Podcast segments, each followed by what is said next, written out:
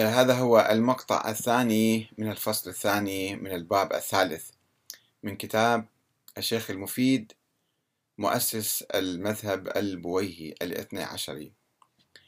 آه، المقطع هذا الثاني يدور حول الاستدلال بالسنة النبوية على النص على الإمام علي بالإمامة بعد أن عجز الشيخ المفيد بالاستدلال بالقرآن على النص على الإمام علي بالإمامة انتقل إلى الاستدلال بالسنة النبوية وكانت العملية أسهل عليه وهي تنقسم إلى أحاديث عامة تتحدث عن فضل الإمام علي وأحاديث تتحدث بصراحة عن الإمامة ولكنها مشكوك في صحتها وغير معروفة أو مؤولة بصورة تعسفية.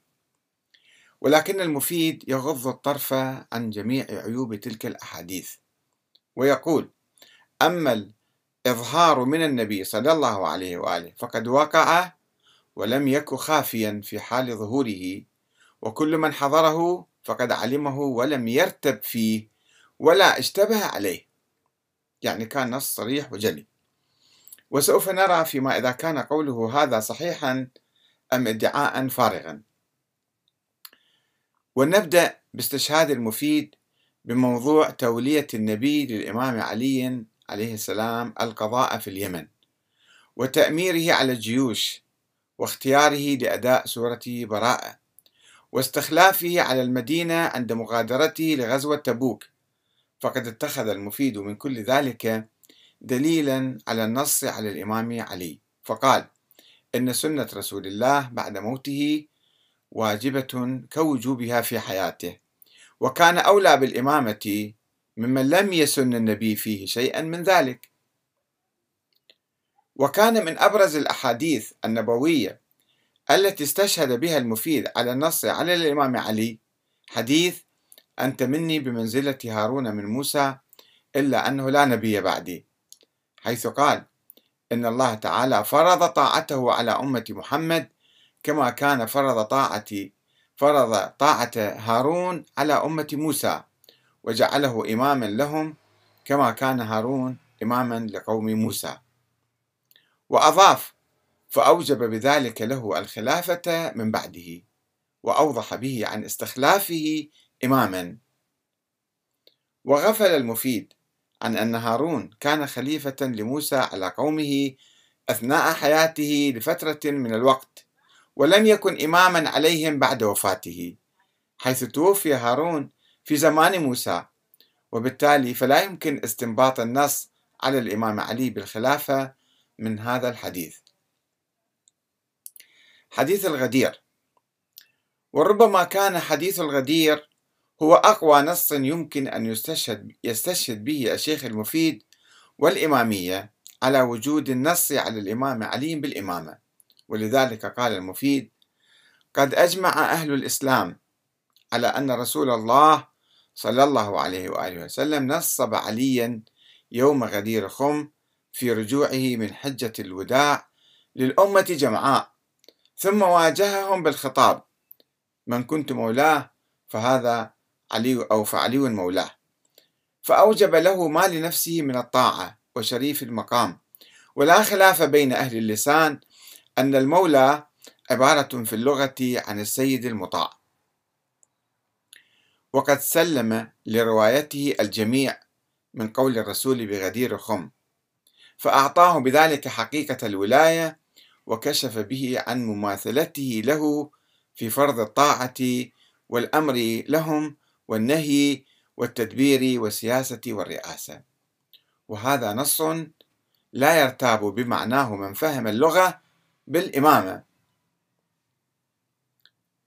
ثم روى المفيد الحديث بتفصيل فقال في اليوم الثامن عشر من ذي الحجة من سنة عشر من الهجرة عقد رسول الله صلى الله عليه وآله لمولانا أمير المؤمنين علي بن أبي طالب العهد بالإمامة في رقاب الأمة كافة وذلك بغدير خم عند مرجعه من حجة الوداع حيث جمع حين جمع الناس فخطبهم ووعظهم ونعى إليهم نفسه ثم قررهم على فرض طاعته حسب ما نزل به القرآن.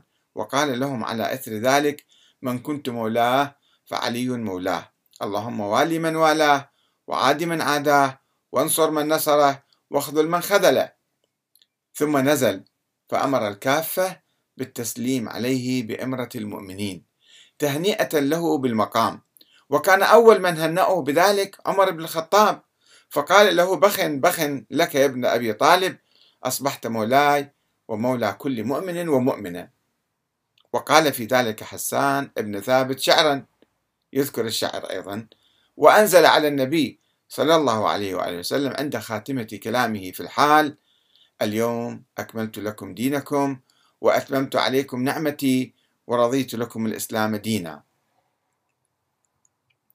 وقد استشهد الشيخ المفيد بقصيدة حسان في إثبات نظرية الإمامة الإلهية لأهل البيت فقال ومما يشهد بقول الشيعة في معنى المولى لأن معنى المولى في معاني عديدة حوالي عشرين معنى وأن النبي أراد به يوم الغدير الإمامة قول حسان بن ثابت على ما جاء به الأثر أن رسول الله لما نصب عليا يوم الغدير للناس علما وقال فيه ما قال استأذنه حسان بن ثابت في أن يقول شعرا فأنشأ يقول يناديهم يوم الغدير نبيهم إلى آخر الأبيات. فلما فرغ من هذا القول قال له النبي صلى الله عليه وآله لا تزال يا حسان مؤيدا بروح القدس ما نصرتنا بلسانك. فلولا أن النبي صلى الله عليه وآله أراد بالمولى الإمامة لما أثنى على حسان بإخباره بذلك. ولأنكره عليه ورده عنه.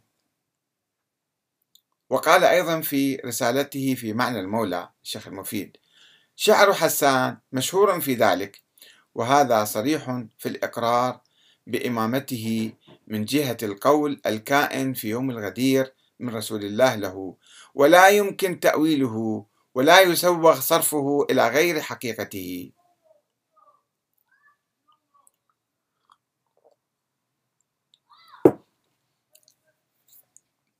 وقف التأمل في السند والمضمون.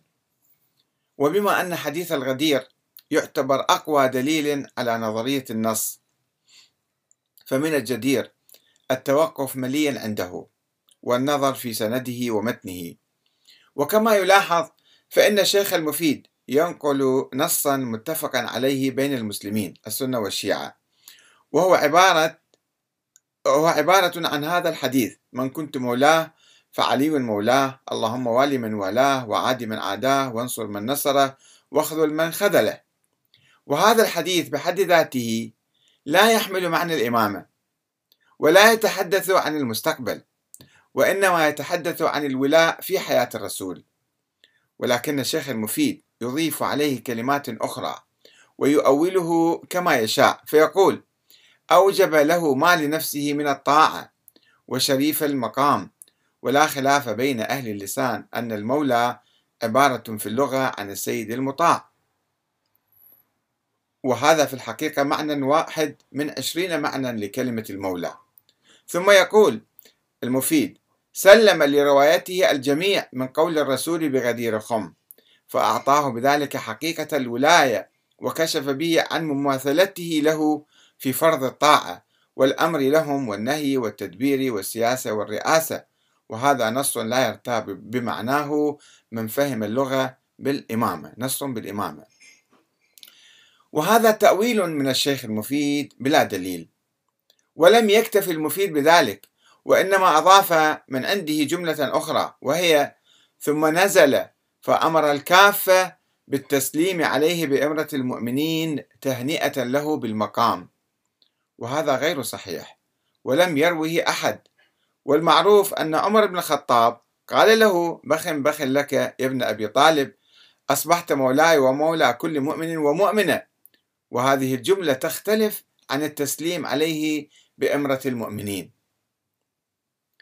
ويبدو أن حديث الغدير الذي كان عارضا وقع أثناء رحلة العودة من حجة الوداع إثر خلاف نشب بين الإمام علي وخالد بن وليد حول تصرف الإمام بجارية من غنائم اليمن كما يقولون. وشكواه للنبي. ولو كان النبي يريد أن ينصب الإمام علي خليفة من بعده لنصبه في مكة أيام الحج أمام جميع حجاج بيت الله الحرام. بيد أن الشيعة الإمامية وجدوا فيه مادة خصبة لادعاء النص الصريح الجلي في الإمامة. كما فعل الكليني في الكافي. حيث روى حديثا منسوبا للإمام محمد الباقر يرويه عن رسول الله بلا واسطة. يرويه عن رسول الله بلا واسطة. أنه قال يا معشر المسلمين هذا وليكم من بعدي فليبلغ الشاهد منكم الغائب.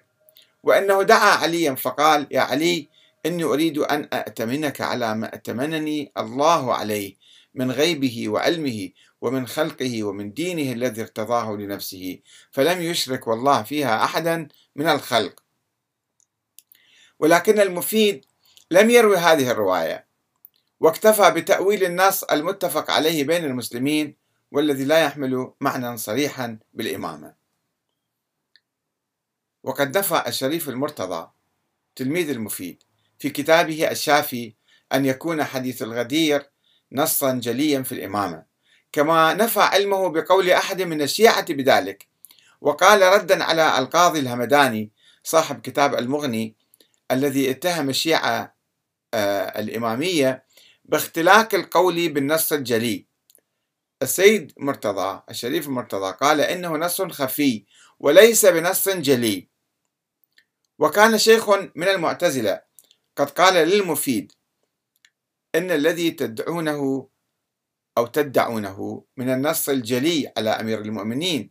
شيء حادث ولم يكن معروفا عند متقدمي الإمامية عند متقدمي الشيعة ولا اعتمده أحد منهم في حجته وإنما بدأ به وادعاه ابن الراوندي في كتاب الإمامة وناضل عليه ولم يسبقه إليه أحد. ولو كان معروفا فيما سلف لما أخل السيد إسماعيل بن محمد الحميري يعني به في شعره لما أخل به في شعره. ولا ترك ذكره في نظمه مع إغراقه في ذكر فضائل أمير المؤمنين ومناقبه حتى تعلق بشاذ الحديث. وأورد من الفضائل ما لم نسمعه به إلا منه. فما باله إن كنتم صادقين؟ لم يذكر النص الجلي ولا اعتمده في شيء من مقاله. وهو الأصل المعول عليه لو ثبت. هذا الشيخ المفيد ينقل هذا الكلام عن شيخ من المعتزلة ويرد عليه. فيرد عليه بذكر بيت من الشعر في قصيدة إسماعيل الحميري وهو وفيهم علي وصي النبي بمحضرهم قد دعاه أميرا يقول هناك نص يرد في هذا النص الجلي. ولكن ذكر الشاعر الحميري للوصية لا يشكل دليلا على الإمامة وصي كان فعلا. الإمام علي كان وصي النبي. فقد كان الإمام علي فعلا وصي الرسول. ولكن لقضاء ديونه ورعاية أهله وليس وصيا على الأمة كخليفة. وأما قصيدة حسان بن ثابت التي افترض المفيد أنها تدل على الإمامة فقد وردت بصيغ عديدة. ولم يروها المفيد مسندة بدقة ولم تظهر إلا في القرن الرابع الهجري حسب ما يذكر الشيخ عبد, الحس... عبد الحسين الأميني صاحب كتاب الغدير الذي يقول إن أقدم كتاب سبق إلى رواية هذا الشعر هو كتاب سليم بن قيس الهلالي التابعي الصدوق ولفت الأميني نظر القراء إلى التلاعب الذي حدث في القصيدة عبر التاريخ. فقال يظهر للباحث أن حسانا أكمل هذه هذه الأبيات قصيدة آه، ضمنها نبذا من مناقب أمير المؤمنين عليه السلام. فكل أخذ منها شطرا يناسب موضوعه. وأضاف أن لحسان في مولانا أمير المؤمنين عليه السلام مدايح جمة. فمن هذه الناحية نعرف أن يد الأمانة لم تقبض عليها يوم مدت إلى ديوانه فحرفت الكلمة عن مواضعها ولعبت بديوان حسان كما لعبت بغيره من الدواوين والكتب والمعاجم التي أسقطت منها مدائح أهل البيت عليهم السلام وفضائلهم. وقد افترض الأميني صاحب كتاب الغدير أن التحريف تم في قصيدة حسان بن ثابت باتجاه مضاد للإمامية. ولم يشر بالطبع إلى احتمال قيام الإمامية أنفسهم بتأليف القصيدة أو تحريفها باتجاه يخدم نظريتهم. وفي الواقع لا نحتاج إلى عناء كبير لنكتشف اختلاق هذه القصيدة أو إضافة المفاهيم الإمامية إليها في وقت متأخر في القرن الرابع الهجري. فيكفي أن نعرف أن محدثي ومتكلمي ومؤرخي الشيعة الإمامية لم يشيروا إليها ولم يذكروها في كتبهم السابقة كالنوبختي في فرق الشيعة والأشعر القمي في المقالات والفرق والكليني في الكافي والصفار في بصائر الدرجات مثلا مما يقوي الظن باختلاقها في القرن الرابع الهجري. أحاديث أخرى. وبالإضافة إلى حديث الغدير روى المفيد أحاديث أخرى في كتاب خاص تحت عنوان تفضيل أمير المؤمنين. تجعل حب علي حبا للرسول وبغضه بغضا له. واستدل بحديث الطائر المشوي أنه في ناس أهدوا طائر مشوي إلى النبي وطلب أن يأتي آه، أحب الله إلى خلقه الإمام علي حتى يأكل معه. ومقام الإمام في يوم القيامة كدليل على أفضليته في الدنيا. تحدث في هذا الكتاب عن مقام الإمام بيوم القيامة. وجهاد الإمام وجهوده وغيرها من الأخبار التي تتحدث عن فضل الإمام علي ولكنها لا تدل بصورة جلية على المطلوب. ونقل عن الإمام جعفر بن محمد عن أبيه عن جده قال قال أمير المؤمنين قال لي رسول الله أنت الإمام لأمتي وهذه كلها روايات مرسلة يشك بوضعها في وقت متأخر ومروية عن أشخاص غير محايدين كالإمام محمد الباقر.